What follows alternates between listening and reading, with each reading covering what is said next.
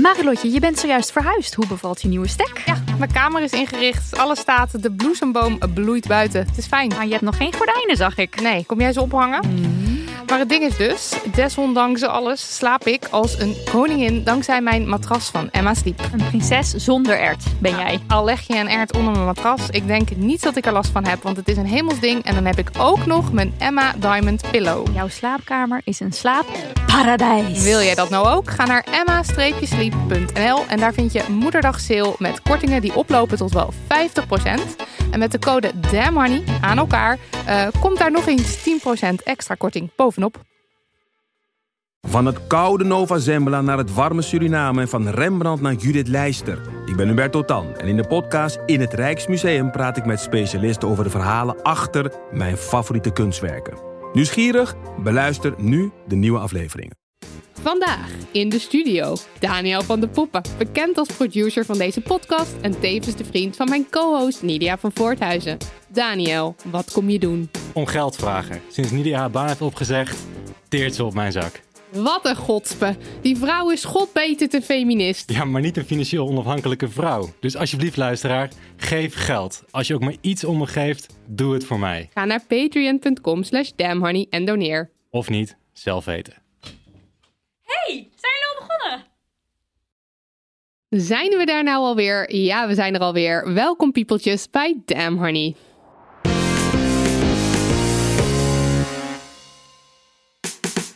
De podcast over shit waar je als vrouw van deze tijd mee moet dealen. Mijn naam is Marilotte. En ik ben Nidia. En je luistert naar aflevering 27. En oh my god, het is een godswonder dat we hier zitten. Want we hebben net de aller, aller, allerlaatste hand aan ons boek gelegd. Want we gaan morgen naar de drukker.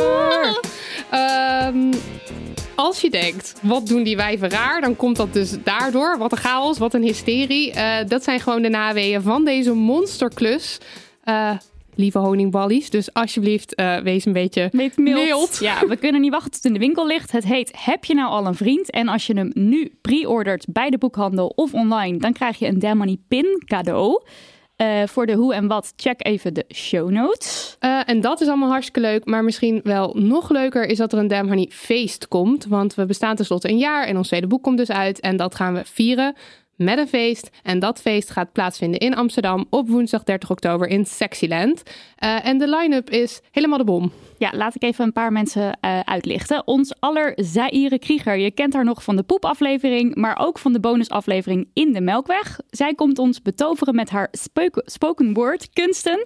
Net als spoken word artist Babs Gons. En we krijgen een heuse drag king performance van de one and only Thorn Vineyard, die we ook hebben geïnterviewd voor ons boek. En Ellen Laan komt om een mini-college te geven over seksueel plezier. En DJ Sophia Soel. Weten jullie nog de aflevering over intimidatie op de dansvloer? Zij komt The Tunes verzorgen op een overigens intimidatievrije dansvloer, want daar zullen we persoonlijk op toezien. Ja, en er worden ook nog andere acts aan de line-up toegevoegd. Daarover later meer. Ik ben heel excited. Ik ook. Wat doen we aan? We mogen geen nieuwe kleren kopen. Doen we onze nippeltessels op? Anyway, wil jij zien welke fabuleuze outfits we uit de kast trekken? Koop een kaartje. Link in de show notes, show notes en uiteraard ook link in bio op ons Insta-account. Er zijn beperkte plekken, dus wees snel. Maar oké, genoeg uh, van deze niet zo sluik reclame. Terug naar de aflevering, want we hebben zin. In deze aflevering gaan we het hebben over vrouwen in de kunst. Een onderwerp dat echt al heel erg lang op ons uh, lijstje stond. En vandaag is het eindelijk zover. We hebben twee gasten hier aan tafel zitten die samen de podcast Naakt op een kleedje maken. Waarin ze elke aflevering met een gast praten over een kunstwerk gemaakt door een vrouw. Ze zitten allebei kniediep in de kunst. En de eerste die ik aan jullie mag voorstellen is Heske ten Katen. En Heske, toen ik een beetje in jouw werk dook, kwam ik terecht in een wereld waar ik niks van weet, maar wel meer van wil weten. Je gaf les aan Artes in Arnhem. Je was de hoofdredacteur van het kunstmagazine Mr. Motley. En je bent artistiek directeur van Nest. En ik dacht, Nest, Nest, Nest, wat is Nest? Nou, dat is dus een expositieruimte voor hedendaagse kunst in Den Haag. Al daar brengen jullie bezoekers op een toegankelijke manier dicht bij actuele kunst. Heske, welkom. Dankjewel. Hallo. En dan gast nummer twee met een even indrukwekkend kunst-cv. Het is Yuki Ko. Ze maakte een YouTube-serie over het leven van Van Gogh, een podcast voor het Stedelijk Museum Amsterdam. En samen met Co van het Hek begon ze in 2015 de nieuwsbrief Kunst kijken met Co Co. Uh, waarin jullie op een toegankelijke manier tentoonstellingen tippen. Het begon allemaal als een ehm, ja, soort vrienden, vriendennieuwsbrief, geloof ik. Dat jullie, Ja, jullie klopt. vrienden het museum in wilden trekken. Maar het is uitgegroeid tot een heel tof groot eh, platform. Wat jullie ook wel een eindeloos supermuseum noemen. Nou, die term vind ik echt geweldig. En eh, daarin nemen jullie mensen mee naar must-see tentoonstellingen en vertellen jullie bijzondere kunstverhalen. Indrukwekkend. Welkom. Welkom. Nou, wat een warm welkom. Dankjewel. Zo, lang welkom Lang ook. verhaal. Ik hoop dat we nog luisteraars hebben. Wel mooie bio's. Ja, die moeten we straks- zelf gaan gebruiken. Ja. Oh, jullie, ik kan het zo wel Ja, even naar toesturen. Ja. Eh, straks alles, of in ieder geval meer over vrouwen in de kunst. Maar volgens mij is het nu eerst minst feministische tijd. Nidia, wat flikte jij voor onfeministische shite? Ja, ik ga even een follow-up geven. Vorige keer toen eh, vertelde ik over dat de buurvrouw hier aanbelde over een lekkage. En dat ik de hopeloze vrouw eh, uithing en gelijk Daniel riep, want ik wist niks. Nou, ehm, toen ehm, kwam de loodgieter. En die heeft mij dus alles uitgelegd over wat er aan de hand was. Maar hoe dat dan gaat met loodgieters, dan moet er daarna weer eentje komen. Dus er kwam er weer een, Een andere. een andere loodgieter. En eh, nou, ik neem hem mee naar de badkamer. Ik zeg, nou, dat daarboven moet je dus wegtrekken. Daar zit dan een pijp en dat lekt van de bovenburen, hup, naar beneden naar de onderburen. Hij zo, nou, nou, nou, dat moet dan dus de wc of de douche zijn. En ik zo, huh? Nee, je, je moet die plaat, die moet je weghalen. En dan zit daar dus een pijp, eh, hele verhaal. Hij, oké, we gaan even bij de onderburen checken. Toen dacht ik, nou oké, we moeten blijkbaar de onderburen. Wij naar de onderburen, staat mijn buurman daar. Die buurman die zegt, nee, het is niet de wc of de douche. Het is water van hun bovenburen dat via het plafond wel... En toen zei de loodgieter, oh, oké. En in plaats van dat ik zei van... Yo, loodgieter, dat is letterlijk wat ik de hele tijd al aan jou aan het vertellen ben. En je luistert niet naar me, liet ik het gewoon gaan. Dat vond ik mijn minst feministische. En dat dat ook verkeerd voor mij uitpakte, dat bleek toen ik op het balkon stond te kletsen met mijn onderbuurman. En die zei, ik dacht, zij is helemaal koekwous. Die heeft gewoon echt geen idee van wat er aan... Ik, nou, het was zo frustrerend. En echt volgende keer ga ik gewoon heel hard zeggen van... En nu moet je gaan luisteren, want dit is hoe het is. Yes. Want ik wist hoe het was. Zo hoor ik het graag. Ja. That's Marilotte. the spirit. Ja. Oh ja. We, Damn Honey dus, al wij, Nidia en ik, Als als, Damn, een team. Als zijn een team. Ja. Eh, wij kregen een mail met het verzoek om promotie te maken voor een evenement wat draaide om de financiële onafhankelijkheid van vrouwen. Eh daar zijn we zelf helemaal voor, financiële onafhankelijkheid van vrouwen. Want eh, we zijn zelf ook vrouwen en we zijn graag financieel onafhankelijk. Ja. Dus we staan helemaal achter die boodschap en willen dat graag promoten. Dus ik verder lezen, interessant, interessant, interessant. Was ook best wel voor een heel belangrijk ja, Iets. ding, iets. Eh, en toen onderaan die mail bungelde de zin, oh ja, er is geen budget. Dus maak even heel veel promotie voor, voor het platform waar jullie al een jaar lang vrijwillig al je energie en tijd in steken en heel veel volgers hebben opgebouwd voor niks. Voor niks. Want je moet promotie maken voor iets voor financiële onafhankelijkheid. Nou, ik vond dat dus sowieso al heel erg ironisch. Maar in plaats van dan te, de- te denken, eh, ik sta hier volledig in mijn recht als ik hier nee tegen zeg, gingen wij verwoed heen en weer appen. Om toch even heel erg met elkaar te checken of we echt niet heel zeurderig waren als we hier gewoon nee tegen zouden zeggen. Want ik, ja, ik vind het echt heel erg bizar.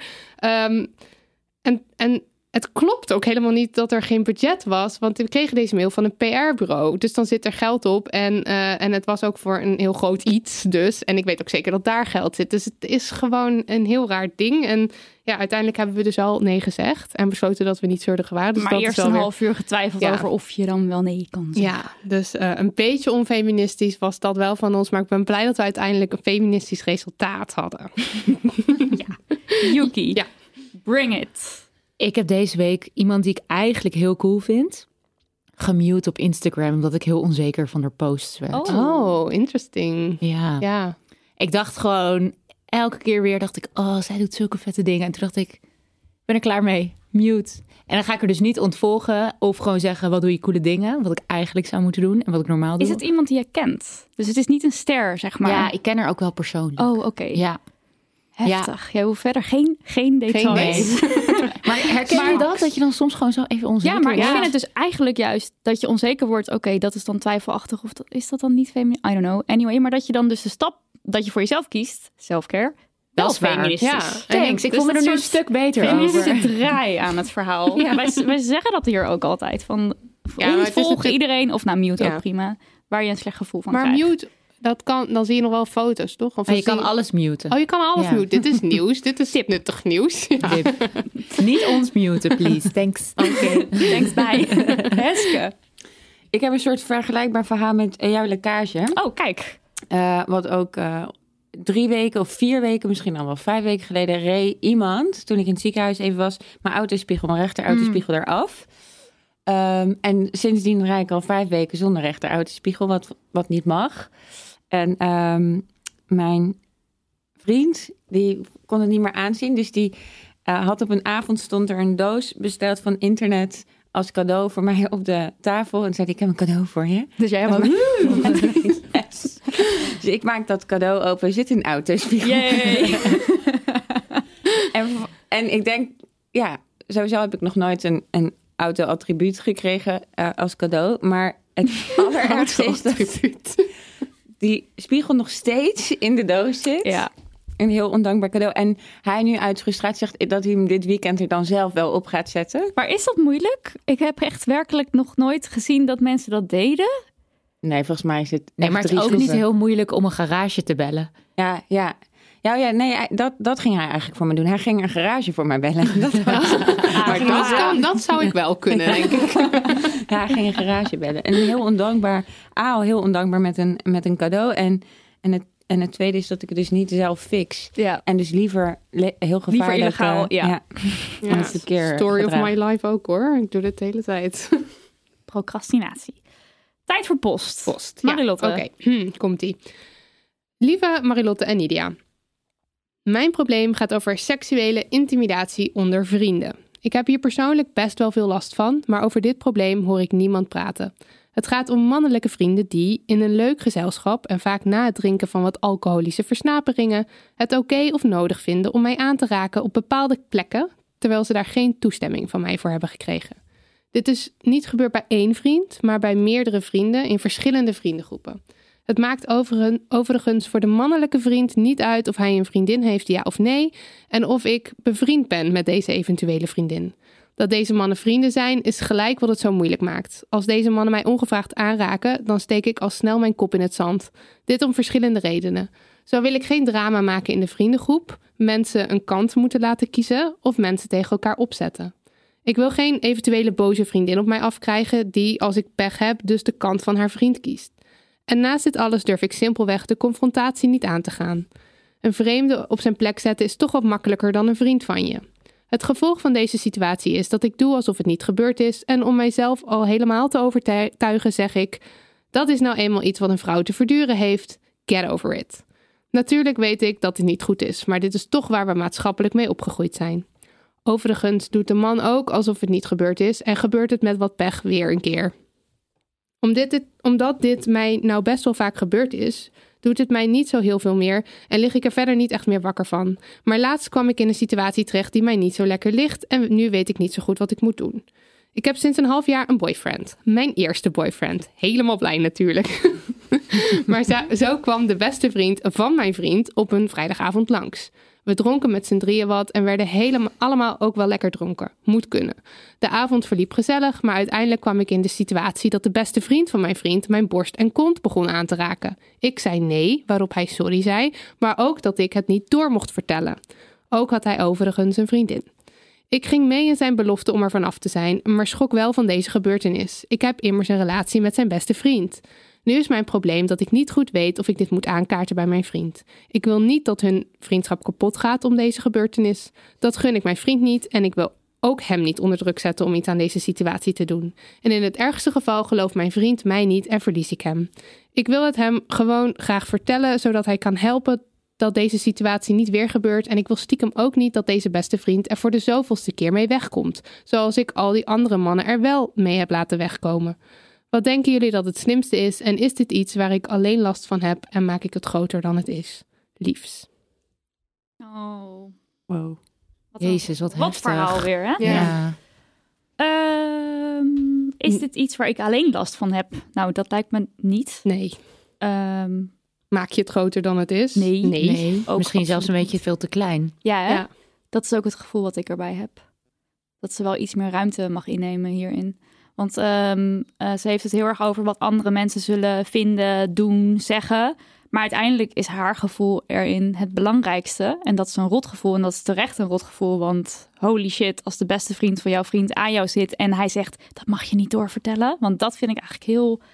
Je zou nog kunnen denken dat hij dacht. Oeh, triootje of zo. Ja, weet je maar wel? eigenlijk bekent hij al schuld Hij door die bekent opmerking. schuld door dat Ja. te zeggen, ja. Ja, dus want daar, daarmee gaat ook alle onschuld in mijn ogen verloren. Want je zou nog kunnen denken, oh, je was dronken en je vindt het een heel lekker door. wijf. En als hij dan nee zegt en hij was gestopt, dan was er niet veel aan de hand geweest. Maar er Maar gaan zoveel de- grenzen De eh, angst voorbij. dat je vriend bij je weggaat als je dit vertelt is ook Ja. een moeilijke. Want Mhm. als hij je echt niet gelooft, wil je dat eigenlijk ook wel weten, zou ik denken.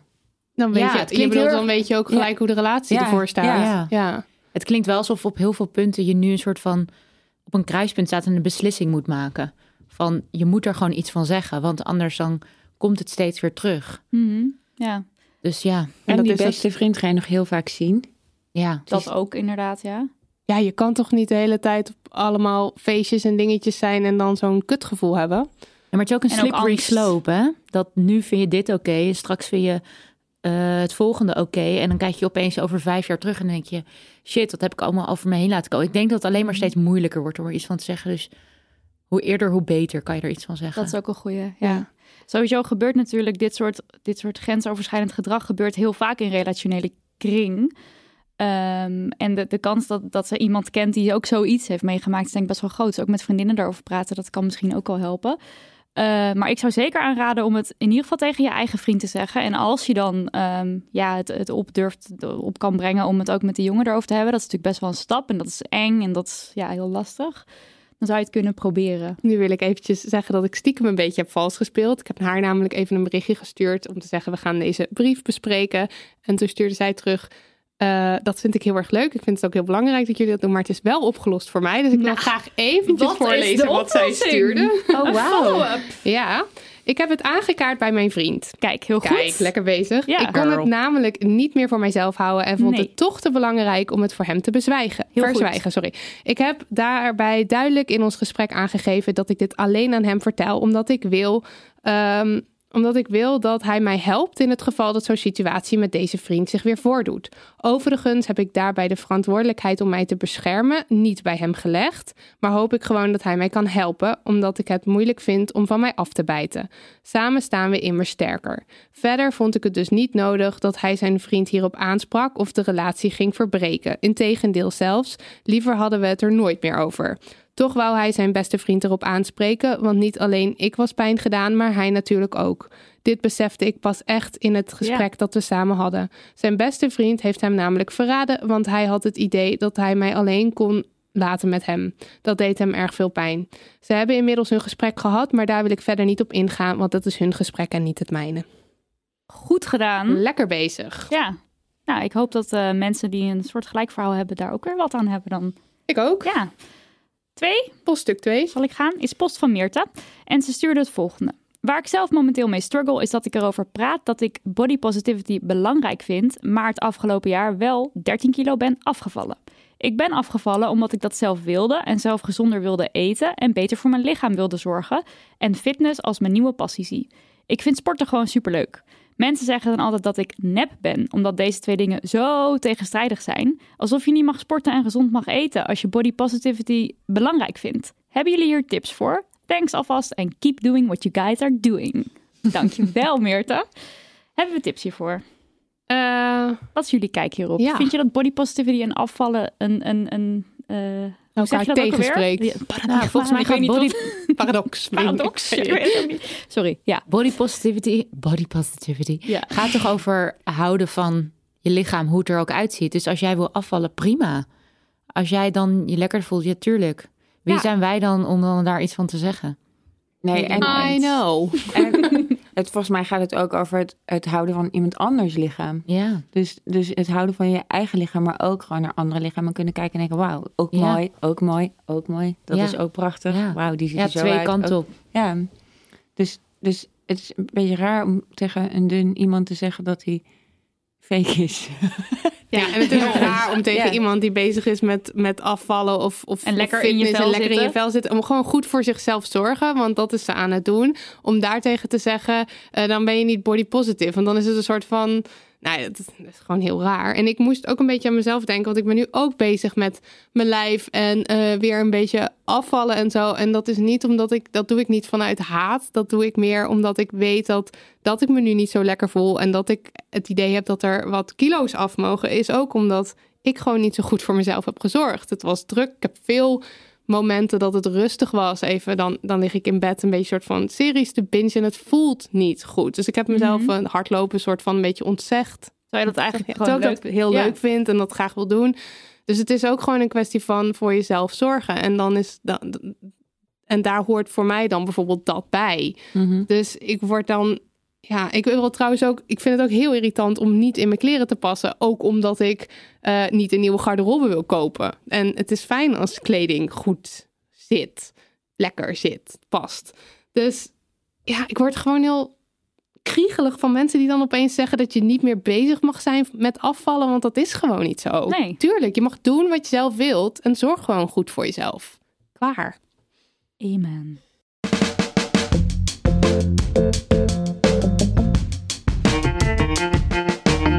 We moeten het even hebben over vrouwen in de kunst. Yuki, Heske, jullie hebben een podcast. Die heet Naakt op een kleedje. Die gaat over kunst. Hoe kennen jullie elkaar? Wat een openingsvraag. Wat een Nou. openingsvraag. Yuki. Eh, nou, leuk dat wij samen een podcast hebben, want we kennen elkaar ook via een podcast. Nou. Eh, ik heb ooit samen met Co van het Hek met Wiek dus kunst kijken met Co en Co heb een eh, podcast gemaakt die nooit het licht heeft gezien. Eh, en daar was, Hes, daar was Heske onze eerste gast voor. En we vroegen eigenlijk altijd dan gasten te praten over een kunstenaar die voor hen belangrijk was. En Heske die kwam met Hilma afkliend en ik kende haar niet. En zij vertelde zo fantastisch over haar dat ik helemaal verliefd, ook een beetje op Heske, maar vooral op op Hilma, Hilma. werd. Eh, en toen ben ik helemaal in haar leven gedoken en door Heske heel veel geleerd. Vervolgens werden wij samen uitgenodigd door de Nieuwsbv om over Hilma afkliend te praten. Want ze had haar eigenlijk allereerste hele grote tentoonstelling in het Guggenheim in New York. En toen gingen we daarna wijn drinken en raakten we niet uitgepraat. Liefde. Ja, Liefde op het tweede gezicht. liefde op het tweede gezicht. Ja. Marilot, heb jij ooit gehoord van Hilma? Afklien? Zegt me helemaal niks. Hilma, zeg, je mag gewoon Hilma ja, wij mogen Hilma zeggen. Ja, nee, dat het maar gelijk duidelijk is. Ja, wij weten gewoon dus echt letterlijk niks over vrouwen in de kunst. En het is zo flauw, maar als je dan zegt van... Nou, doe, noem eens drie vrouwen uit de kunst. Dat je dan al een beetje zo... Frida Kahlo. Ja, dat Ja, zegt iedereen dan ja. altijd. En dan En? heb je nog die Louise met die spinnen. Ik ben heel bang voor spinnen. dus-.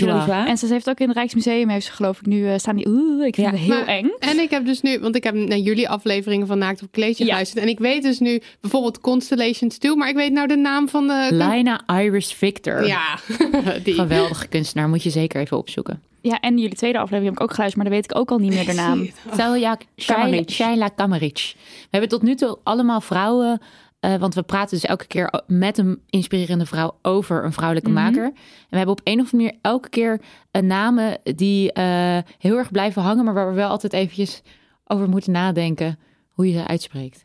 Maar hoe zijn jullie erop gekomen om specifiek alleen vrouwen te behandelen in de Ehm, podcast? Nou, En hoezo heet het naakt op een kleedje? nou ja, het, is, het heet naakt op een kleedje omdat er gewoon heel veel vrouwen naakt op een kleedje zijn afgebeeld door kunstenaars. Dus ehm, of op naakt op een sofa, of naakt op een stoel, of naakt op een, Naakt op een meubel. in een atelier. Vrouw Ja. naakt meubel. Ja, dat, is een beetje... heel su- eh, succesformule eigenlijk voor kunstenaars. En natuurlijk zijn naakte vrouwen ook heel mooi om naar te kijken. Maar die naakten zijn heel vaak gemaakt door mannen. Hmm. En dat, het, het heeft iets ironisch dat er in het museum wel heel veel vrouwen zijn. Vaak, of, ja, vaak naakt, Ja. maar gemaakt door mannen.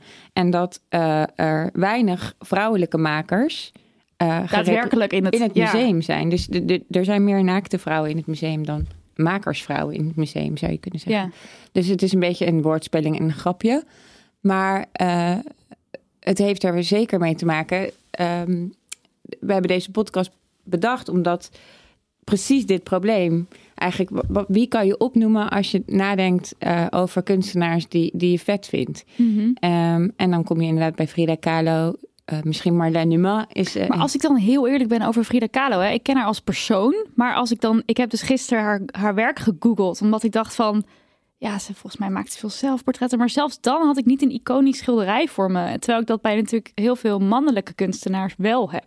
Ja, maar ik denk ook dat heel vaak wordt de kunstwereld als een soort van hele aparte wereld gezien. En waarvan heel veel mensen altijd zeggen, oh, daar weet ik niks van. Maar Ja, ook dat zeggen we niet hè? over de boekenwereld of de filmwereld. Daar mogen we wel over met elkaar praten in een Mhm. café.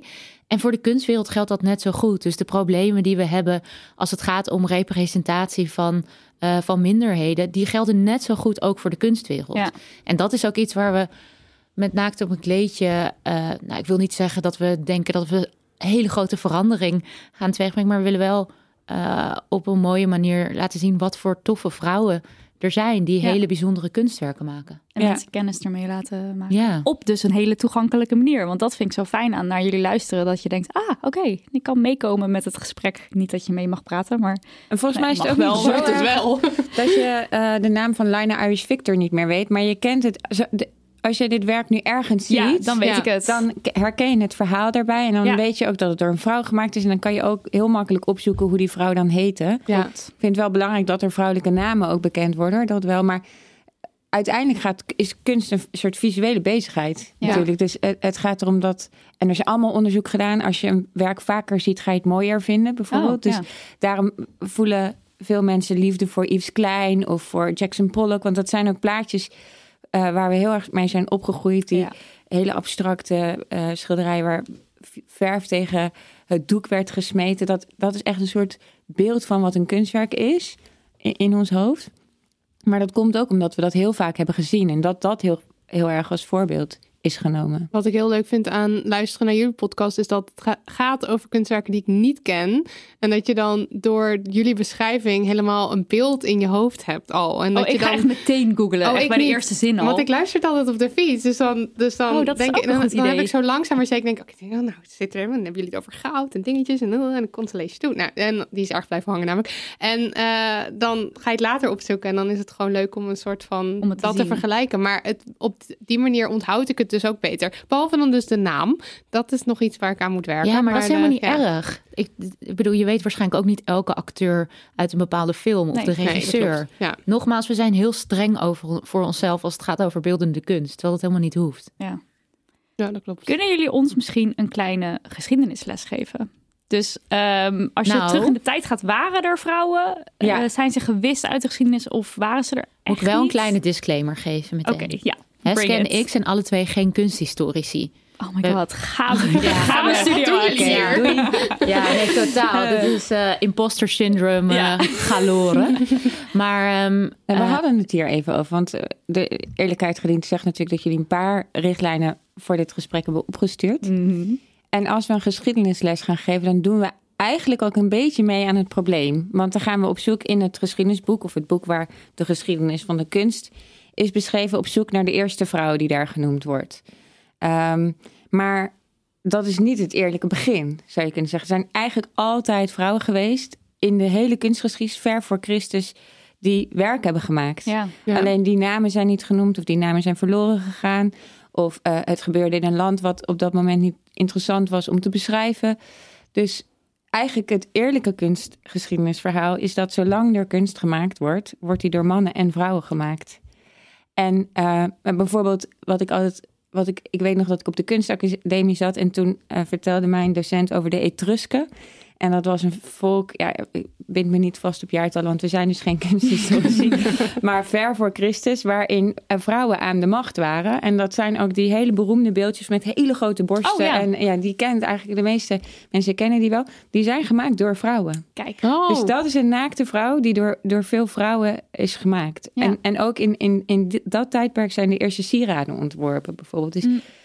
Maar ja, daarna zijn er eh, ongelooflijk veel mannen beschreven die sieraden hebben gemaakt of naakte vrouwen. Dus ja, waar begint de kunstgeschiedenis voor vrouwen?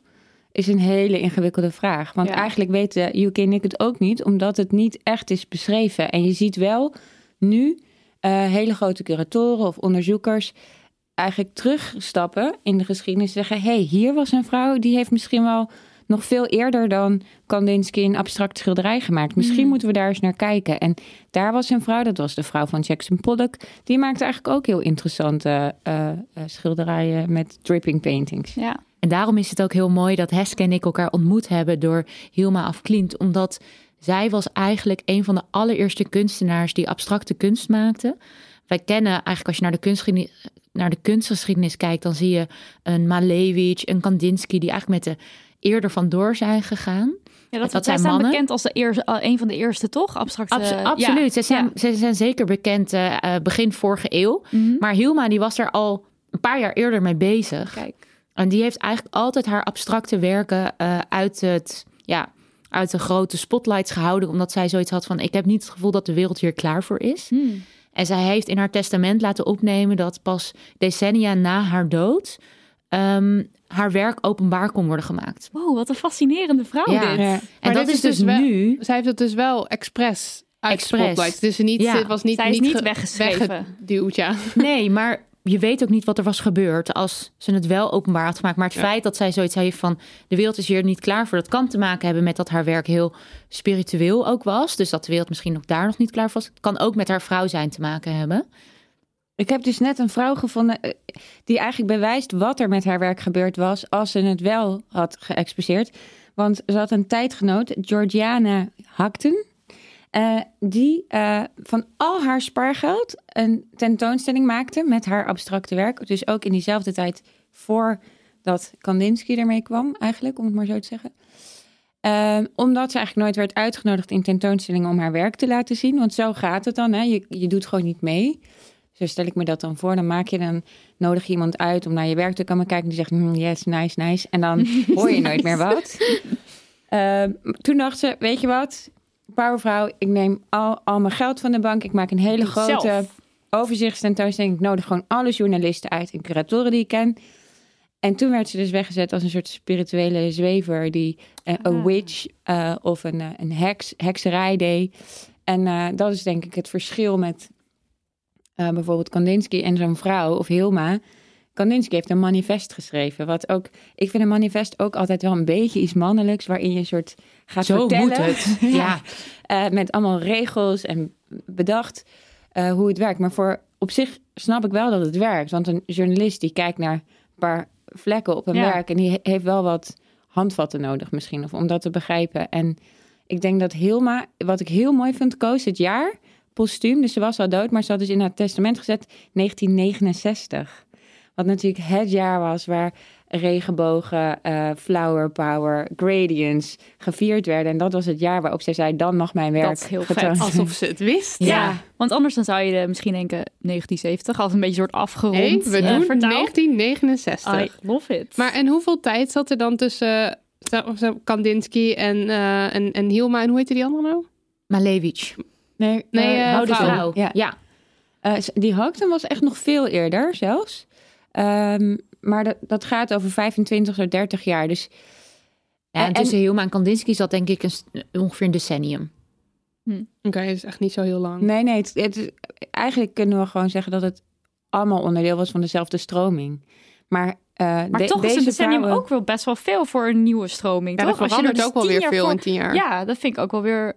Nou ja, ik, Maar ik, ik, ben heb ook geen idee kunsthistoricus. Dat, we, dat er toch nog een hele kleine andere voetnoot bij, bij dit gesprek. Want dit is toch een soort heel lineair verhaal. Van wie Mhm. was er eerder? Terwijl Ja. er waarschijnlijk nog veel meer, meer mensen veel eerder waren. Ja. En, en we hebben het nu ook over Europa. Dit Hilma was Zweeds. Kandinsky kwam uit Oost-Europa.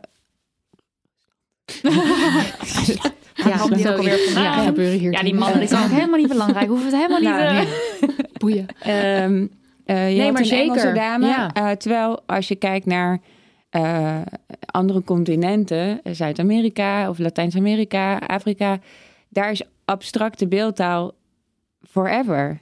En, en, en, en die vierkanten en strepen en patronen komen ook natuurlijk omdat mensen gingen reizen en dat soort dingen zagen. Dus Hmm. het, is ook, het is best wel ook weer geleend van andere culturen waar ze al honderden jaren dat soort Ja. patronen Ja, en hier gaan we er dus echt uit van soort van de westerse kunst. Ja, en van linea- lineariteit dus ja, ook. Van dus dat alles maar zich en toen kwam dat en toen kwam Precies. dat. Ja. ja. Maar hebben jullie een theorie van waarom die vrouwen dan niet het podium kregen?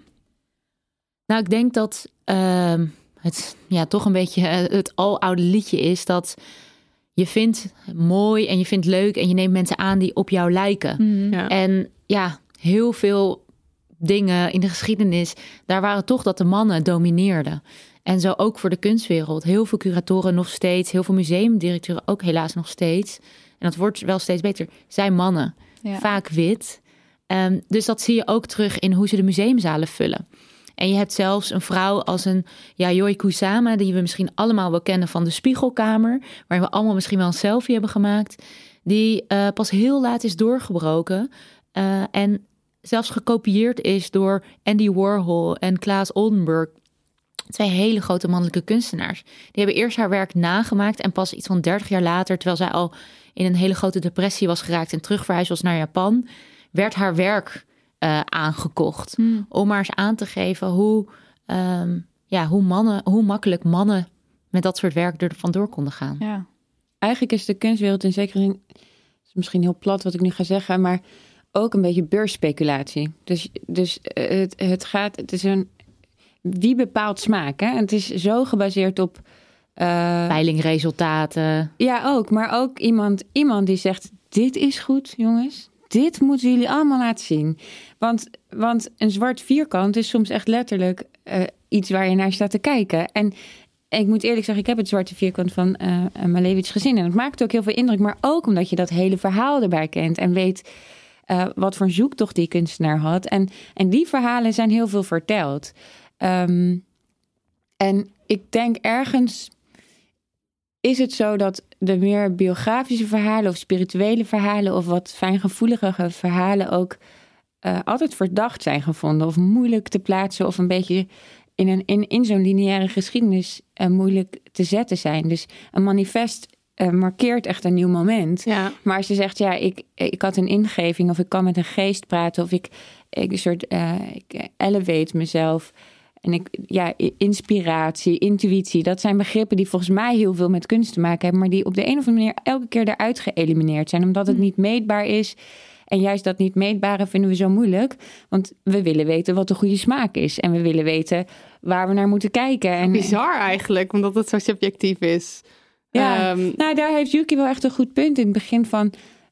We zouden veel meer eigenlijk intuïtiever, zoals we met muziek omgaan, misschien ook wel met kunst om kunnen gaan. Gewoon denken, ja, ik, ik vind het mooi.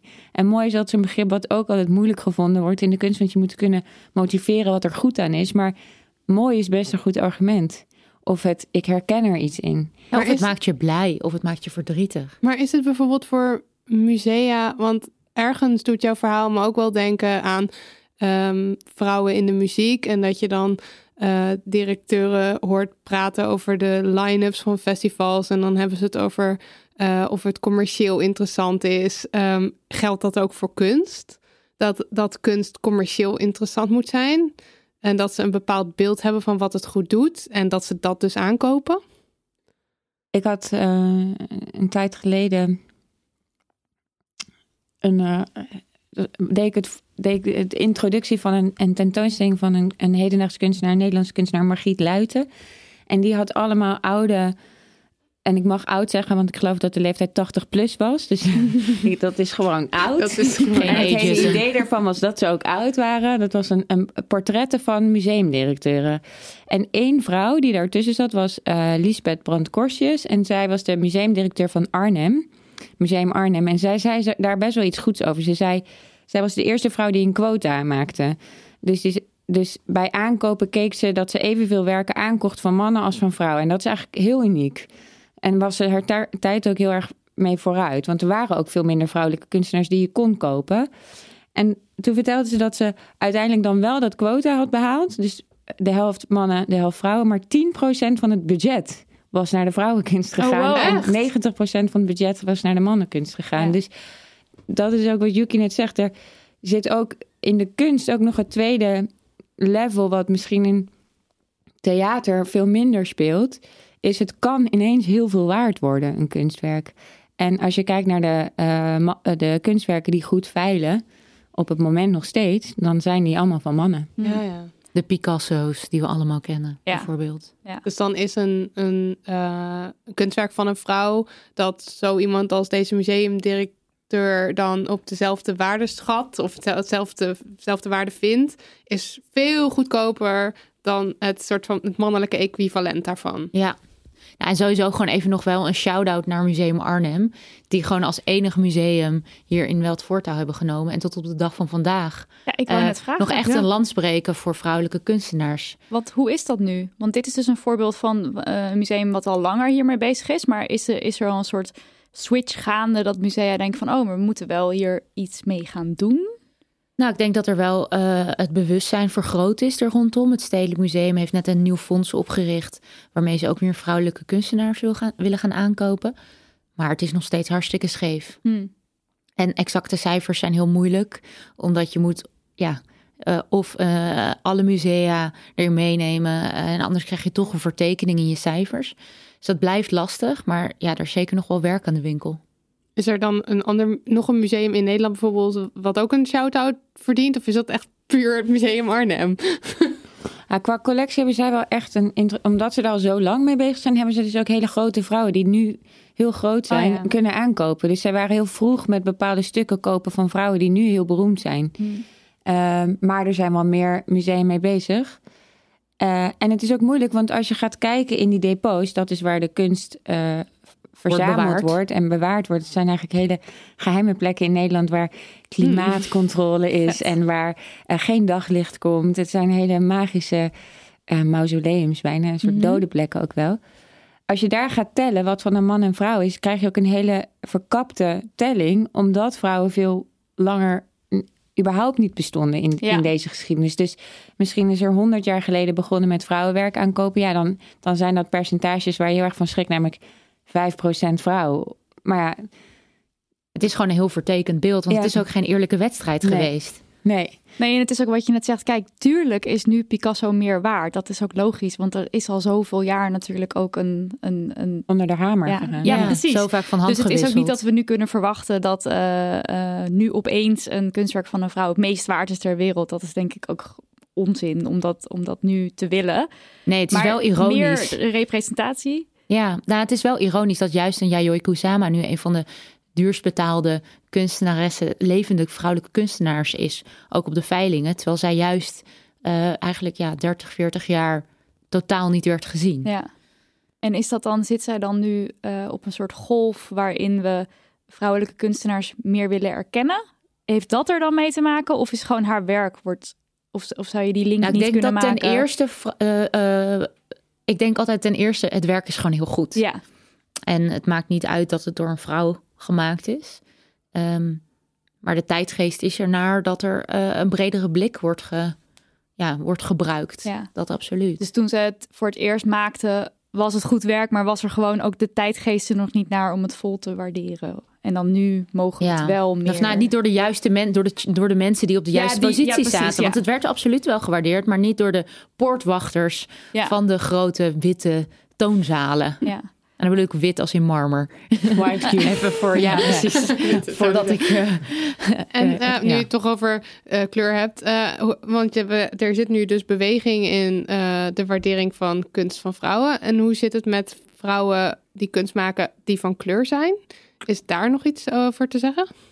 Nou, wat dat betreft is dat ook een tendens die eigenlijk veel groter is dan alleen in de kunstwereld. Is dat eh, de wereld wordt kleiner. Dus we, we kennen veel meer. En dan zie je ook wel dat eh, uit alle windstreken er hele bijzondere kunstwerken worden gemaakt. En omdat het normaler is dat kunstwerken over de hele wereld getoond worden. Vroeger had je bijvoorbeeld wereldtentoonstellingen. Mhm. Daar eh, hebben we nog de Eiffeltoren aan te danken.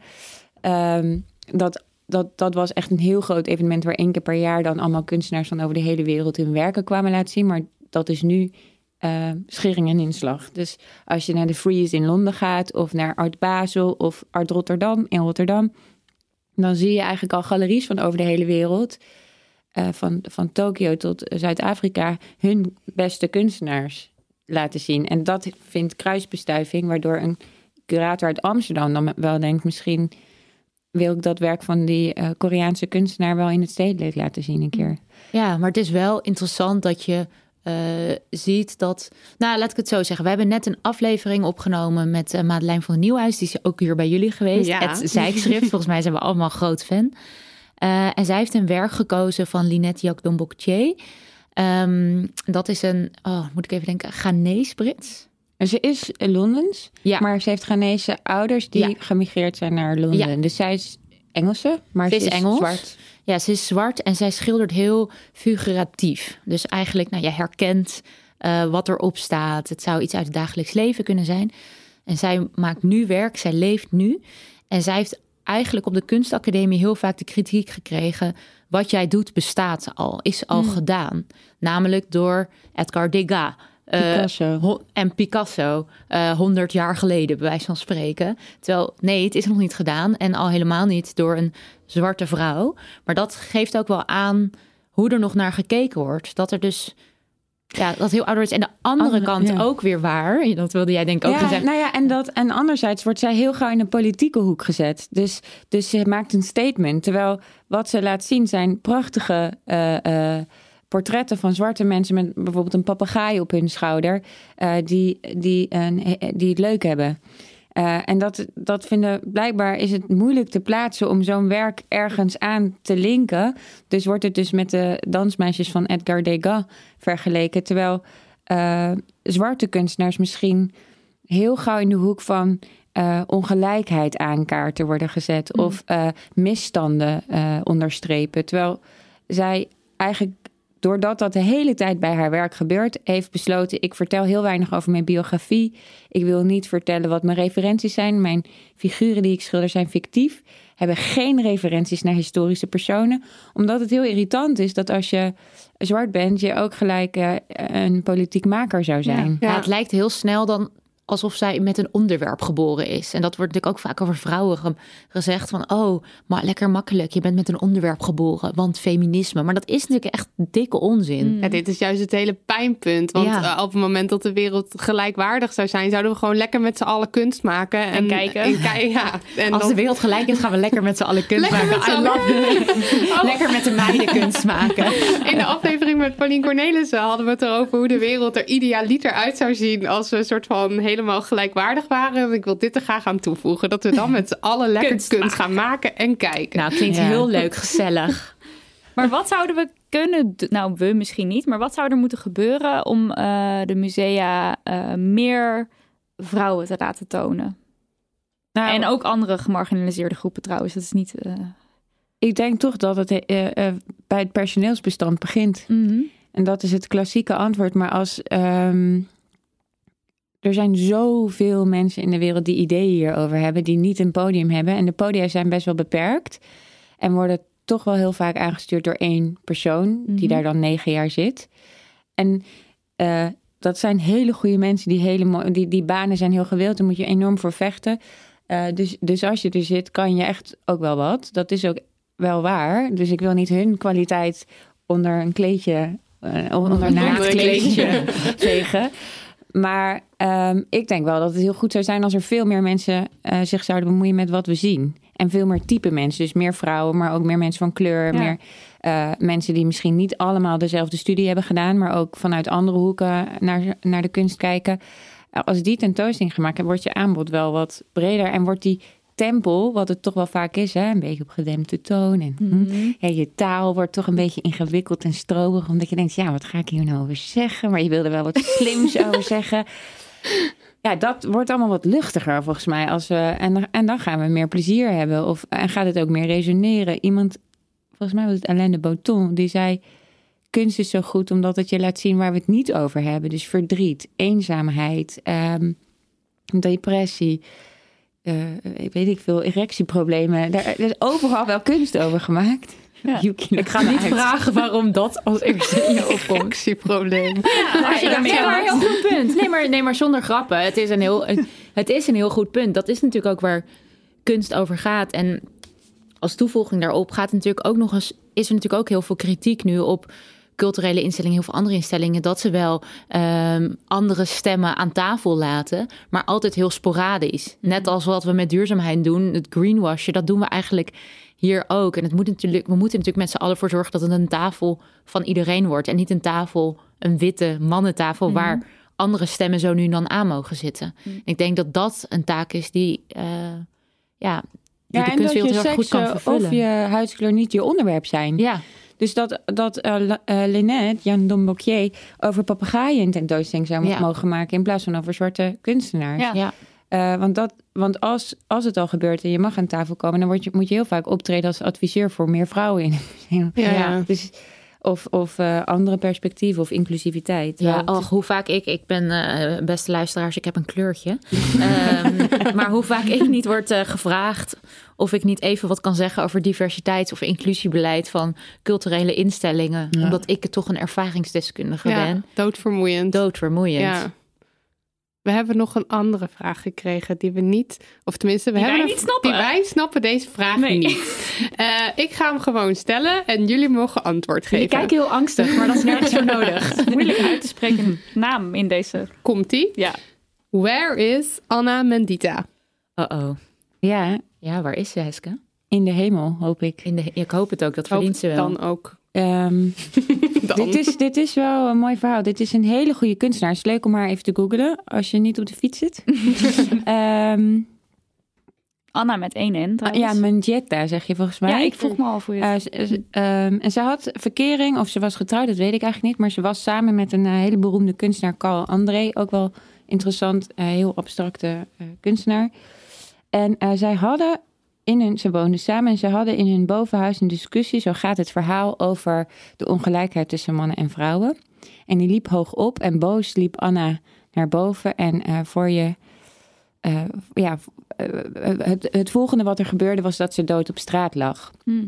En het verhaal van Carl André is dat ze uit het raam gevallen is na die ruzie. Maar er wordt in de kunstwereld gezegd dat hij haar heeft geduwd. Of dat ze is vermoord door hem. Als het zo is, is hij daar nooit voor vervolgd. Ehm, en, het is, en hij heeft zelf in zijn eh 112 of 911 of 123, ik weet niet wat, oproep eh, gezegd dat, dat, dat die ruzie daaraan vooraf ging. Wat natuurlijk een heel typisch Hij heeft dat uitgesproken aan de, telefoon. Ja. Dat het om een ruzie ging rondom man-vrouw ongelijkheid. Ja. Ja. Wow. Wat, natuurlijk, als je een ambulancebroeder belt omdat je vrouw uit het raam gevallen is, best een raar detail is om te zeggen. Volgens, volgens mij, als, het, als ik het verhaal goed vertel, is het zo gegaan. Ehm, en is er in, vanuit de kunstcommunity heel erg, eh, zijn hier heel veel vraagtekens bij. Dus Hmm. kunstenaars hebben allemaal manifesten of spandoeken gemaakt met, eh, ik weet niet meer wat erop stond. Ehm, In ieder geval dat hij haar dan vermoord zou hebben. ja. Die hebben ze dan ook over zijn kunstwerken gehangen in Mm. de museumzalen. Ja, een soort klopt. protest. ja.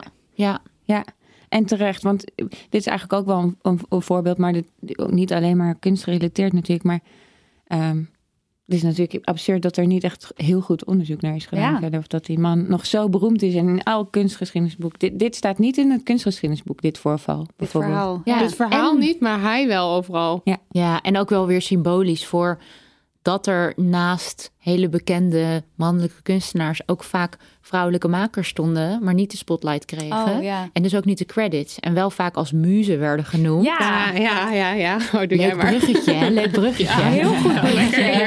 Ja, de- Subtiel. Want we hebben hier een hele goede vraag over gekregen.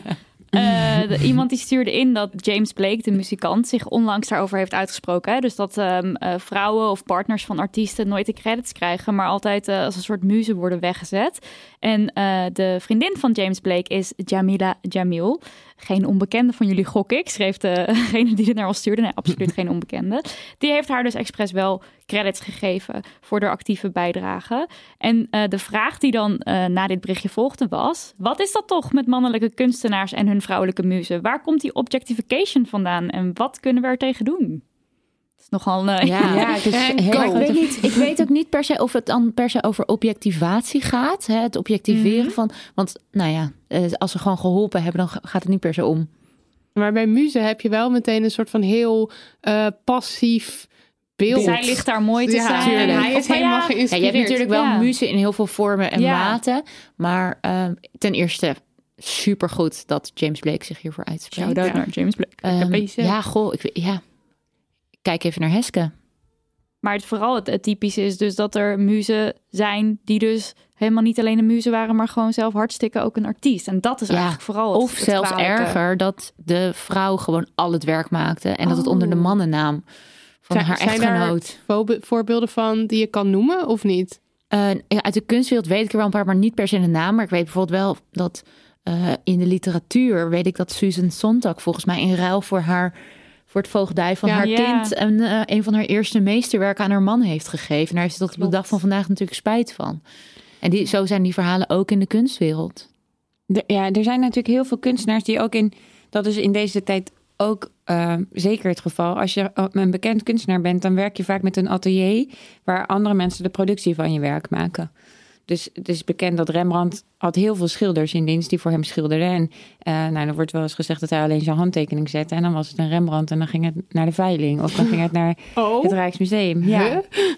En eh, Rodin eh, van de Denker, die, die veel mensen eh, kennen, een beeldhouwer, die, die had ook een enorme beeldhouwstudio waar allemaal mensen zijn werk, dat marmer hakten. Wij, maakten, wij, wij maken onze podcast ook niet zelf hoor. Kat niet anders, wij ook niet. Wij ook niet. Stemacteurs. Wij zitten hier ook niet. Dit is heel verwarrend, jongens. Sorry. Sorry. Maar- Sorry, dit was weer zo'n Hele meta domme grappen. Sorry, ga verder. Nou, het idee is ook dat je daar werd opgeleid. Dus, dus je ging dat leerlingmeester, eh gezelmeester eh, model, dat was natuurlijk bij heel veel ambachten zo. Dus je ging bij een timmerman in de leer, dan leerde je timmer, maar ondertussen maakte hij de tafel. Een be- bekend voorbeeld is, is eh, een leerling van Rodin, Camille Claudel. Die is al heel, dat is al heel ver voor de vorige eeuw. Die was zo goed. En daar gaat het mis. Dat is net als bij An- Anna Mangietta. Als een vrouw heel goed wordt, wat doe je dan? Net iets te goed. Ze wordt beter dan jij. Ja. Maar jij bent haar leraar. Of jij bent haar man. Daar zit volgens mij het spanningsveld waar het, waar het Ah. eng is. En waar vrouwen helaas vaak aan het kortere eind hebben getrokken. eh, in, in dat gevecht. Die werden zo goed en dat werd gevaarlijk. Hilma is gestopt met schilderen omdat ze voor haar zieke moeder moest zorgen. Terwijl haar oeuvre is... Oh, oeuvre. Ik had me voorgenomen dat dat het woord oeuvre niet te En there we are. Ja, oeuvre. Haar werken. Ja, maar het is natuurlijk wel typisch dat zij de zorgtaken... Terwijl ze had ook eh, eh, neven en broers en, eh, die, die, niet, die niet aan zo'n carrière bezig waren... dat zij toch voor haar moeder is gaan zorgen... of dat zo'n Manjetta dood op straat gevonden wordt. Ja. En Camille Claudel is echt veel minder beroemd dan Rodin... terwijl ook kunstkenners eigenlijk wel het erover eens zijn... dat zij echt een ongekend talent is. Zij is dus nooit boven haar meester uitgestegen. Nee. En met het objectificeren vind ik ook wel interessant, want daar, dat is natuurlijk de titel van onze podcast, dat naakt op een kleedje. Je vraagt je niet echt, echt af wat het karakter van die vrouw is naakt op dat kleedje. Er wordt altijd gesproken over degene die het geschilderd heeft, niet over de vrouw die daar ligt. Maar dat is dus een beetje wat ik inderdaad ook heb met dat muzen. Want Ja. dan denk ik ook eigenlijk altijd aan een vrouw die naakt tegen een boom staat of ergens Ja. op ligt of zo. Dat is het enige beeld wat ik heb bij een muze. Dat Ja, zij mooi moet zijn en dan hij kijkt daarnaar. Je hebt ook heel veel muzes in de kunst in katzwijm. Dat is nog een soort laag erbovenop die feinte eigenlijk. Dus Oh. het is een soort ingegeven door de Heilige Geest. En dan, dat, dat hebben we, ja.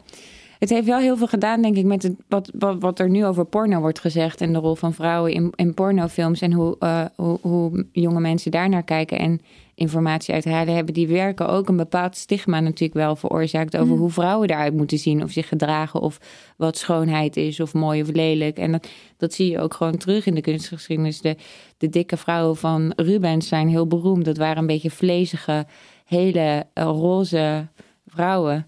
En eh, eh, ja, you name it. Een, een andere kunstenaar die, die hele eh, slanke eh, vrouwen, jonge meisjes die een, een trap aflopen, eh Duchamp bijvoorbeeld. Hm. Dus ja, het, het wordt een beetje name dropping. Maar, maar waarom objectificeren we sowieso? Dat is best wel een interessante vraag waar ik ook niet zomaar 1, 2, 3 antwoord op heb.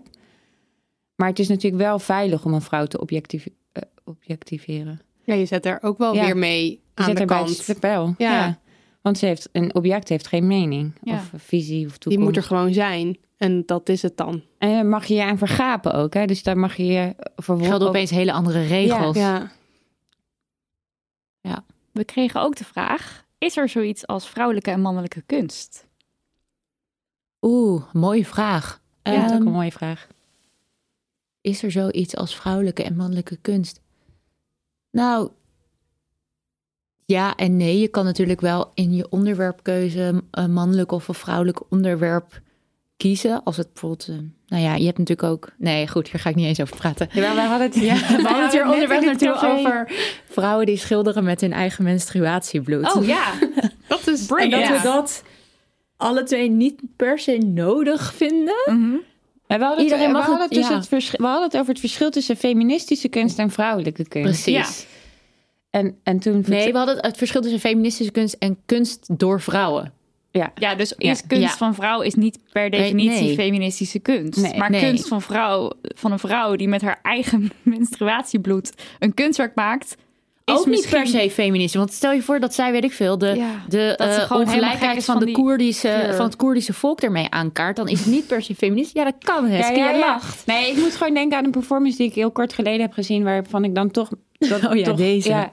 Er had een meisje een bolletje wol in haar vagina gestopt en dan ging een trui breien terwijl ze ongesteld werd. Dus daar zat een gradient in. Oh.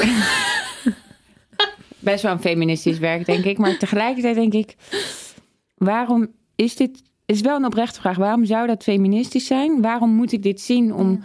eh, is het niet gewoon alleen maar chockeren? En is het dan schokkend? Of is het ook gewoon een beetje banaal? Ja, een beetje vies? Ja, dat enorm taboe uiteindelijk ook een beetje over van exhibitionisme en activisme uiteindelijk. Hè? Van, ja, heiligt het doel altijd de middelen?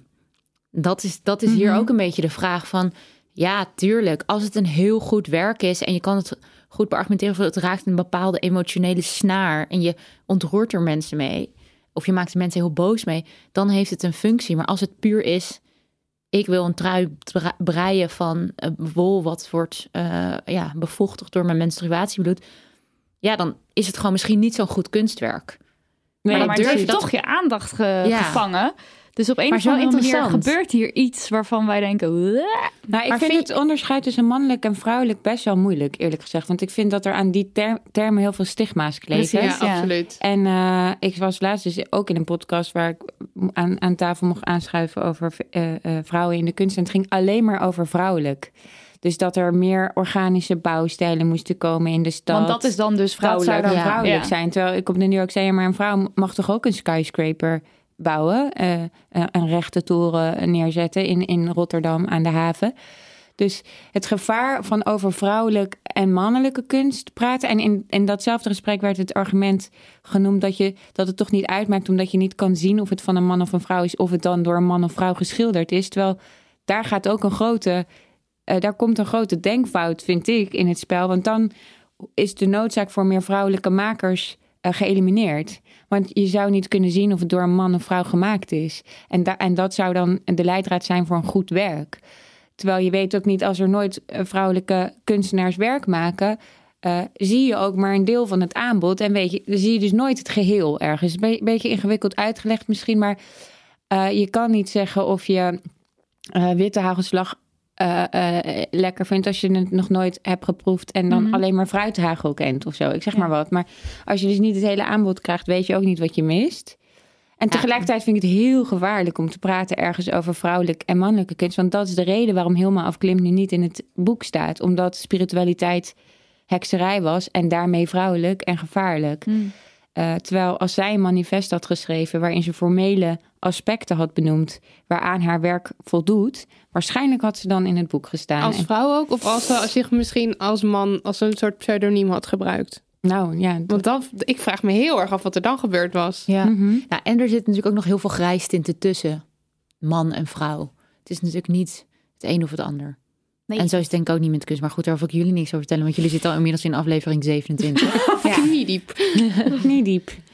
Maar Maar ja, wa- ook daar is het natuurlijk ook wel moe- moeilijk om over, ehm, om over eh, eh, echt geslacht of gender Ja. te koppelen aan, aan meer esthetische of hoe dingen eruit zien of dat mannelijk of vrouwelijk is. en daar hebben we denk ik ook wel, dat is ook wel iets waar we tegenaan lopen bij onze eigen podcast. Van ja, het is ergens ook uitsluitend dat je alleen maar vrouwelijke makers of makers die zich als vrouw identificeren eh, bespreekt.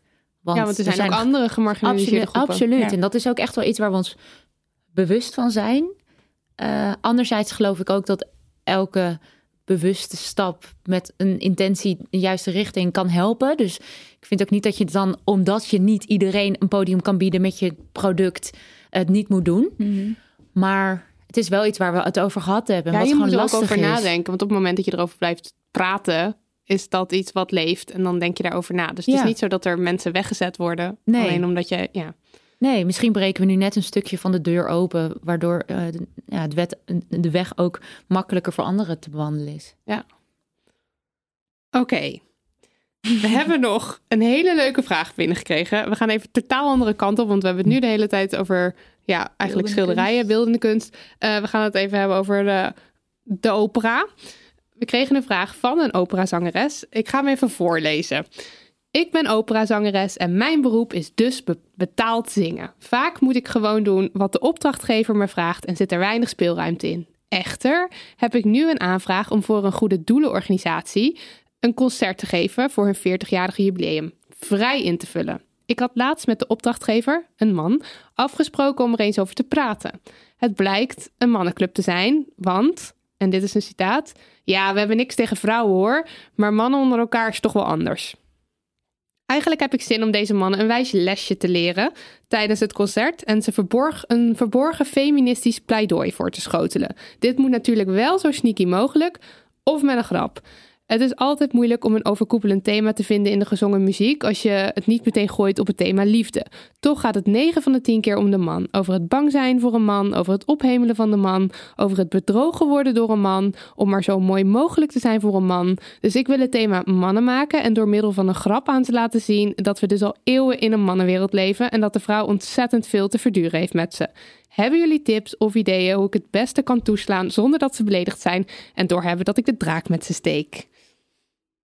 Ik heb eerst een vraag.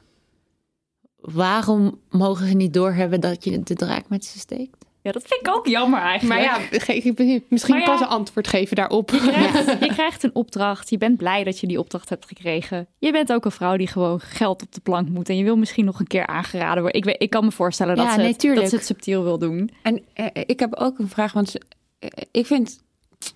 Het is niet een vraag en het is misschien ook helemaal niet feministisch wat ik nu ga zeggen, maar ze nodigen wel een vrouw al uit om te komen zingen voor hen. Dus ergens is ze al binnen. Dat, dat is wel iets, denk ik, wat je ook... Oh, ik ga nu echt... Ik zie Ja, maar- jullie allemaal nou ja, teleurgesteld maar ik. Je Ik zou daar ook dus wel ik kunnen denken van... Dan, Ik kijk naar de chocola. je zou daar ook kunnen denken van... Oh, dan eh, nodigen we zo'n knappe vrouw uit... die dan heel mooi Ah, ja. voor ons gaat zingen. Ja, dus weer een beetje de objectivering. Oh ja, precies. Ja. Zo, nou ja, zo had ja, ik ja, ja. Ehm, wel, ja, ik, ik, ik denk ook, maar wat is er erg aan eh, een grap maken? Ja, ik zou het gewoon lekker benoemen. En Toch ook vandaag... goed. En het zijn juist ook, juist in het gooien zijn het toch ook allemaal van die lekkere bralballen die ook een beetje zelfspot hebben. Ja, sorry. Scheer ik maar een hele grote groep mensen over één kam. Het Ik had, ik had de brief ietsje ingekort, dus Ja. er stond niet meer in dat het in het gooien was, maar Oh, daarom grapje. dus in het Ik had gooien. mijn huiswerk heel goed gedaan. Ja. Ehm, maar ja, probeer het. En ik vind humor een heel mooi middel om een boodschap over te brengen. Dus ik vind het heel tof dat ze daarvoor kiest. Ja, Ja, en tegelijkertijd is dit ook een moment dat je zelf dus weer de geschiedenis in kan duiken en denken, wat is er wel geschreven wat nog nooit is opgevoerd, Ja. maar er moeten operettes of opera's geschreven zijn door vrouwen. Dus je kan ook, eh, eh, hier komt de ware nerd naar boven, maar ehm, een archief induiken om te kijken, kan ik een stuk vinden van dezelfde tijd eh, waarin de grote opera's geschreven werden, geschreven door een vrouw wat nog nooit is gezongen door een vrouw. En dat ga ik daar eh, eh, het podium opbrengen. Nou, er is zelfs net een opera door een vrouw geschreven eh, in het kader van 100 jaar vrouwenkiesrecht. Van Lysenka Heijboer, eh, jonge opera-regisseur, vrouw. Eh, ik zou zeggen, doe daar Oh, iets uit. Dat vind ik Ja. dus een hele goede tip. Ook. Ja, Ja. want ik kan me wel voorstellen als ik als in mijn eentje naar het gooi eh, zou gaan. eh, Naar een plek ergens in met Nederland. alleen maar mannen om een lezing te houden over kunst. En dan zou ik denken, ik ga ze een lesje leren. Dan zou ik ook wel knikkende knieën hebben, omdat dat het helemaal niet zo leuk is om te doen. Terwijl als je, als ik, mijn insteek zou dan altijd zijn, ik ga laten zien hoeveel mooi ze niet kennen misschien. Of waar nog niet vaak over is eh, verteld. Ik zou, ik zou het heel eng vinden om die groep in mijn eentje dan Ja, te kakken. maar dit is sowieso een interessant onderwerp en ook een lastige, want het gaat heel erg over pick your battles. En ik vind zelf ook altijd ehm, dat het heel erg van groepen afhangt. En waarschijnlijk eh, zeggen heel veel, zijn heel veel mensen het hiermee oneens, maar ik krijg heel vaak ook nou, natuurlijk afhaal Chinees grappen. En ja, soms zeg ik er ook wel eens niks van. En ik weet dat dat niet goed is of niet, eh, niet zo zou moeten. Want je zou er altijd iets van moeten zeggen. Maar soms denk ik ook, ja, maar het betekent toch niet dat ik altijd een kutavond moet hebben. En ik denk dat dat voor haar ook zo geldt. Dus, dan is ja. de boodschap misschien... Het is leuk dat je iets wilt doen. Doe het ook. Maar misschien niet op een... Niet ze te kakken zetten. Maar gewoon meer nadruk leggen op wat er voor moois is. Wat misschien minder bekend is. Gemaakt is door vrouwen. Of Ja. zo. Of, lekker Goed dat, of lekker dat grapje bij jezelf houden en dan ons mailen. Wat voor een briljante lijst met allemaal gekke titels Ja, of en dan gaan wij dat voorlezen. En dat zij het helemaal niet doorhebben. En dat kan ook prachtig zijn, Ja. toch? Ja. Oké, dan we moeten een beetje gaan afronden. Dus ik ga een laatste vraag stellen. Eh, zouden jullie allebei een kunstenaar met ons willen delen? Eh, het liefst een vrouw, hè? Hoeft niet. Hoeft niet, maar het liefst een vrouw. Picasso. Die, eh, van nu, die we, die we echt moeten kennen. En, en ook heel kort waarom. Heske. Ik ben echt eh, vanaf. Ik heb haar ook mogen interviewen, dus dat helpt mee. Want soms ontmoet je iemand die ook gewoon een ongelooflijk bijzonder iemand is. Ehm Laure Provoost, een Franse kunstenaar. Ik, ik zou de leeftijd niet weten, maar ze is jong. En ze heeft nu eh, op het moment is ze eh, de Franse inzending van de Venetië Biennale. Eh, wat je volgens mij nog drie of vier weken kunt zien. Dus als je naar Venetië gaat, zou ik zeker even gaan kijken. Het is een vrouw die zo'n eigen wereld heeft, die ze tot het, de puntjes toe, soort de Wes Anderson van de kunstwereld ergens wel, waarin ze, ik kende haar werk, ik heb haar werk leren kennen eh, op het moment dat ze zei dat ze haar opa kwijt was. Dat was het verhaal. En dan had ze, ging ze hem zoeken in ondergrondse tunnels, maar die ondergrondse tunnels heeft ze allemaal gebouwd.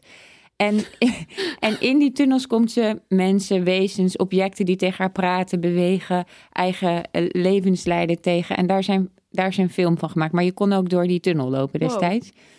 Ehm, maar ik, ik ben altijd heel jaloers als mensen voor mij zo'n vreemde wereld hebben, maar heel gedetailleerd. Dus tot, tot, tot het muisje wat nog door de gang heen rent aan toe, of het lampje wat knippert, eh, is het helemaal uitgedacht. En eh, ja, zij heeft een wereld waar ik heel graag in verdwijn en verdwaal. En, eh, en ze is. Ze is ook nog heel feministisch, dus dat is, eh, ze is enorm voor Free the Nipple. En ze hangt allemaal tieten in het museum en eh, fonteinen van, van borsten waar allemaal water uitspuit. Dus ze heeft ook een goede beeldtaal, vind ik, en, en, en prettig. Maar het is ook een vrouw waar ik heel jaloers op ben op haar hoofd. Ik ben nu al zo fan. Ja, ze is echt fantastisch. Oh, dan moet ik, hè? Ja. ik kan nog niet meer overheen. Maar eh, ik eh, ga voor Rachel Whitered. Ze is ehm, Britse kunstenaar. En wat ik heel tof aan haar vind, zij maakt eigenlijk negatieve ruimte zichtbaar. Dus nou, we zitten nu aan een tafel, maar de ruimte onder de tafel kun je niet vasthouden. Maar zij giet die eigenlijk af in glas en in andere materialen. En maakt zo eigenlijk de wereld om ons heen.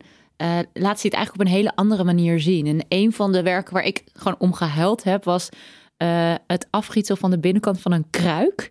Dat ziet er gewoon. Ja, stel maar eens voor, als je de binnenkant van een kruik afgiet, dat is een soort heel raar klein torsootje. Ja, kijk, dit is dus ook waarom kunst soms zo emotioneel is, omdat je het bijna niet kan uitleggen. Ja, Zoek het op, zou ik zeggen. Rachel Whitered. will do. Yes.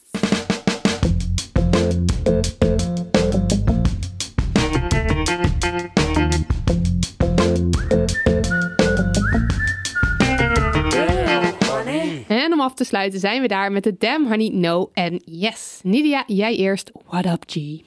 De Albert Heijn heeft haar nieuwe supermarktmanager aan ons voorgesteld in een reclame. Hebben jullie deze Oh, reclame ja. gezien? Ja. Oké. Oh.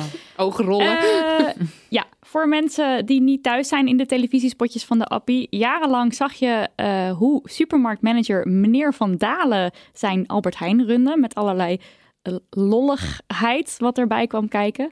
Eh, en hij werd echt het gezicht van de Albert Heijn. Nou, leuk, prima. Ja.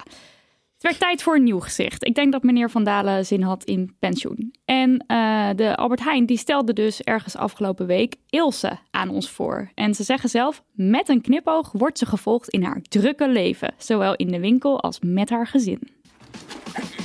Hoi, ik ben Ilse, 35 jaar en best handig, al zeg ik het zelf. Oh, en ik ben moeder van Tommy. Ik kan met katten praten. Echt? En dit is trouwens die kat, Muis. Ja, zo heet ze nou eenmaal. Die heeft nogal een gebruiksaanwijzing. Net als mijn vriend trouwens. Bart, dat is toch goor? Ik yoga, hartstikke leuk.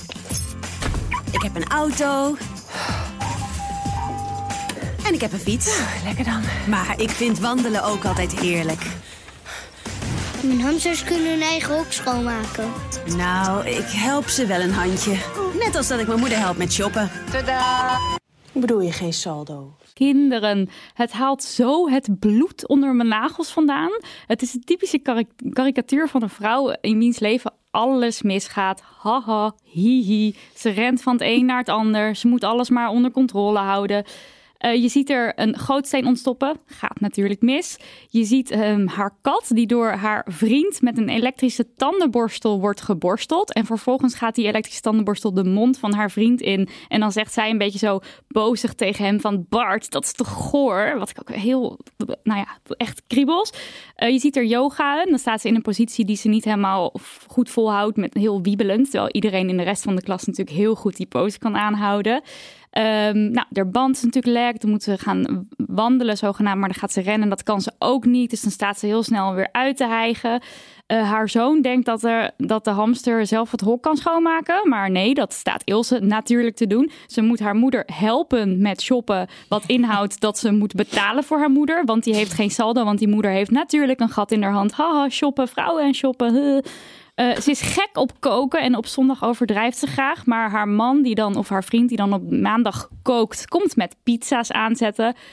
Je ziet er gehaktballen, soep, stoofpeer en stampot in de handen duwen van een buurman. Want ze moet natuurlijk ook voor de buurman zorgen. Je ziet er struikelen met tassen vol boodschappen over iets wat in het gangpad staat. Serieus, ik word echt zo naar hiervan. Dat ik gewoon echt.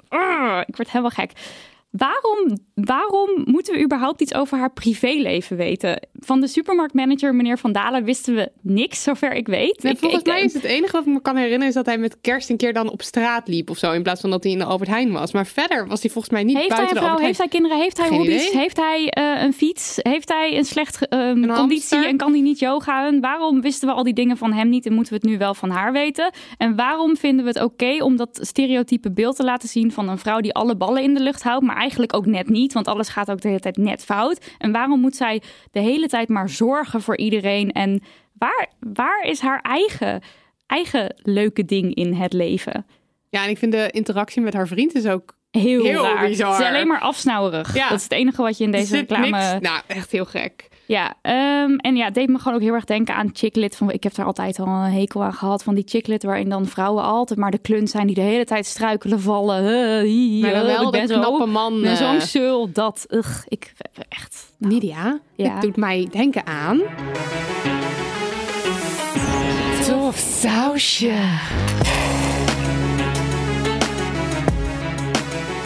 Het is een tof, Tof sausje. sausje. Dat is het inderdaad. Het Ja. is weer zo, we doen van... Oh, wat leuk, wat een lifestyle. Oh, Oh, dit is hoe het is voor vrouwen. En dat is gewoon stom. Ja, hartstikke Nou, stom. Dat is dus mijn Damn Honey No. Eh, heb jij nog een Damn Honey? Ja? Oh, wacht. Ja. Yuki Heska, hebben jullie ook een Damn Honey No? Ik heb... Ja, doe eerst even de Damn Honey Yes. Nee, die komt no. zo. Oh, die komt zo. Oh, sorry. Eerst de no. Eh, Het is- format Neem ook is even eerst de. Oké, sorry.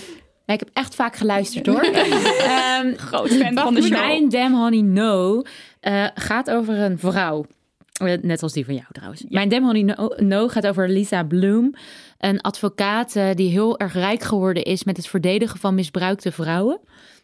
En zij heeft toen Harvey Weinstein eigenlijk de eerste aantijgingen eh, kreeg en de eerste aanwijzingen kreeg dat er een grote zaak tegen hem liep, heeft zij hem aangeboden om te helpen. Want zij wist hoe je misbruikte vrouwen eh, wel voor je karretje kon spannen. Want eerst zijn ze heel sterk en daarna worden ze steeds kleiner.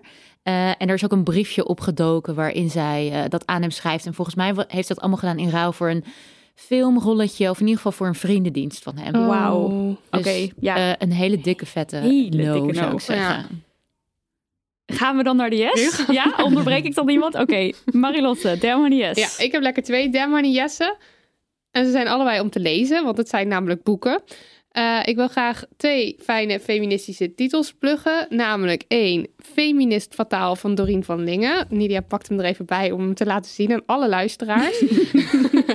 maar het is echt een boek waar je doorheen raast. Het is heel chill geschreven en het is zo, eigenlijk vooral zo lekker om alles een beetje op een rijtje te hebben. Dus eh, als je wel weet hoe het zit, maar even niet meer weet hoe je het moet verwoorden, dan is dit een heel prettig boek om naar te grijpen. En het de tweede Damonies is eh, het essay van Alma Matthijssen en van haar moeder Marita Matthijssen. Um, het is een essay dat geschreven is voor de Maand van de Geschiedenis. Het heet Niet schrikken mama. En het is een briefwisseling tussen moeder en dochter. En ik ga niet onderbouwen waarom het fijn is. Ik ga gewoon een klein stukje voorlezen, omdat ik dat indrukwekkend vond. Pak het er even bij.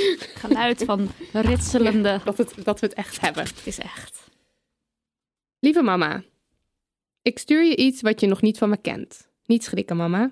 Ik wil een jongen zijn, geen vrouw. En al helemaal geen meisje. Ze hadden me Ruben willen noemen. Veel beter dan Alma. Zo'n naam is te kwetsbaar. Ruben heeft een grote piemel en een nog groter ego. Ik wil mijn piemel aaien de hele dag lang. Ik wil borden pasta leeg eten en erover opscheppen in de sportschool. Ik wil mijn werk middelmatig uitvoeren en wel alle pluimen in mijn kont stoppen. Ik wil het hoofd van meisjes rond mijn lul duwen net zolang tot ze moeten overgeven. Ik wil alles negeren dat niet over mij gaat. Ik wil alles zeggen. Ik wil zeggen dat ze naar mij moeten kijken. Ik wil eieren eten en een leren Gucci-rim dragen. Ik wil bestellen voor een meisje en dat ze dan giechelt. Ik wil mijn vuist op tafel slaan in het café en bulderend van het lachen schreeuwen dat vrouwen mislukte mannen zijn. Elk meisje dat me uitlacht zal ik vermoorden. Ik wil vrouwen betichten van een heksenjacht met al dat hashtag MeToo-gejank. Ik wil kook onder mijn voorhuid verstoppen. Ik wil meisjes strak laten staan zonder dat ze het doorhebben. Ik wil drank als wapen gebruiken en mijn handen wassen in onschuld. Ik wil keer op keer vergeven worden en ook een column in de Telegraaf om mijn gedrag goed te praten. Ik wil zalvende handen die me bezweren dat alles wat ik deed goed was. Ik wil zeggen dat vrouwen zich niet zo moeten aanstellen. Ik wil meisjes verkrachten en ermee wegkomen. Ik wil ze vastpakken bij hun haren als ze proberen weg te kruipen. En ze gaan niet schreeuwen, want ik weet heel goed dat dit precies is wat ze verlangen. Ik wil een obsessie met mezelf. En eigenlijk, als ik heel erg eerlijk ben, ik wil een man zijn. Dat wil zeggen een vrouw zonder angst, om nooit bang te hoeven zijn in de nacht. Nooit met mijn sleutels tussen mijn knokkels geknepen. Nooit mijn ogen die elke omgeving scannen. Waarom staat die man daar? Zijn blik aan mij vastgeplakt. Zo donker en zo plat tegen de muur gedrukt. Ik wil altijd weg kunnen, schreeuwen, losbreken, maar dat niet kunnen omdat dit lijf verminkt geboren werd. Wil ik een jongen zijn. Oh, mooi. Uh, geen woorden voor verder. het is, het is een heel. Uh, ik, ik ja, kruip gewoon even in je Demonies. Het is Mag. fantastisch, want je hoort dus ook de stem van Marita. Dat is haar moeder. En die heeft een andere kijk hierop. Want wij zitten wel een beetje in die bubbel van jonge mensen... die heel erg op een bepaalde manier hier naar kijken. En zij komt dan weer met dat tegengeluid van... ja, maar... En ik vind dat heel En fascinerend om die van- wisseling te lezen. En het is hartstikke goedkoop, dit boek. Ik, ik probeer Paar het op te zoeken. Echt 3 Ja. euro of zo. Dus 3,75. je kan het Oh, gewoon niet ja, laten liggen. Eske, die komt er even in. Jullie hadden ook nog een Demonies. Ik had eigenlijk een ander, maar omdat jij nu met een, een boek komt. eh, Ik heb net een boek besteld vanmiddag. Eh, dus ik kan er niks over zeggen. Ik kan er ook niet eh, uit voordragen. Maar ik vind het heel goed dat het gemaakt is. Het is van Belle Barbé. Ja! Ja. En het heet Ik en Seks. Het is een boek over seksuele voorlichting voor jongens en meisjes. Dat is geweldig. Het komt volgens mij 6 november uit, toch? Oh ja, ja, ik heb dan een pre-order. Ik Ja. weet het niet. Ja. En ik, ik, ik weet, ik heb al seks. Dus ik heb het wat dat betreft, en ik heb er ook plezier in. Maar ehm, toch vind ik het zo goed dat dit gemaakt wordt. Wat helemaal anders kijkt naar sexting, naar eh, porno kijken. Al die dingen waar die we, de biologieleraar liever niet bespreekt in de les, heeft zij verzameld in een boek. Wat volgens mij een heel leuk kerstcadeau is voor eh, kinderen die Absoluut. beginnen met seks. Goeie tip. En yes.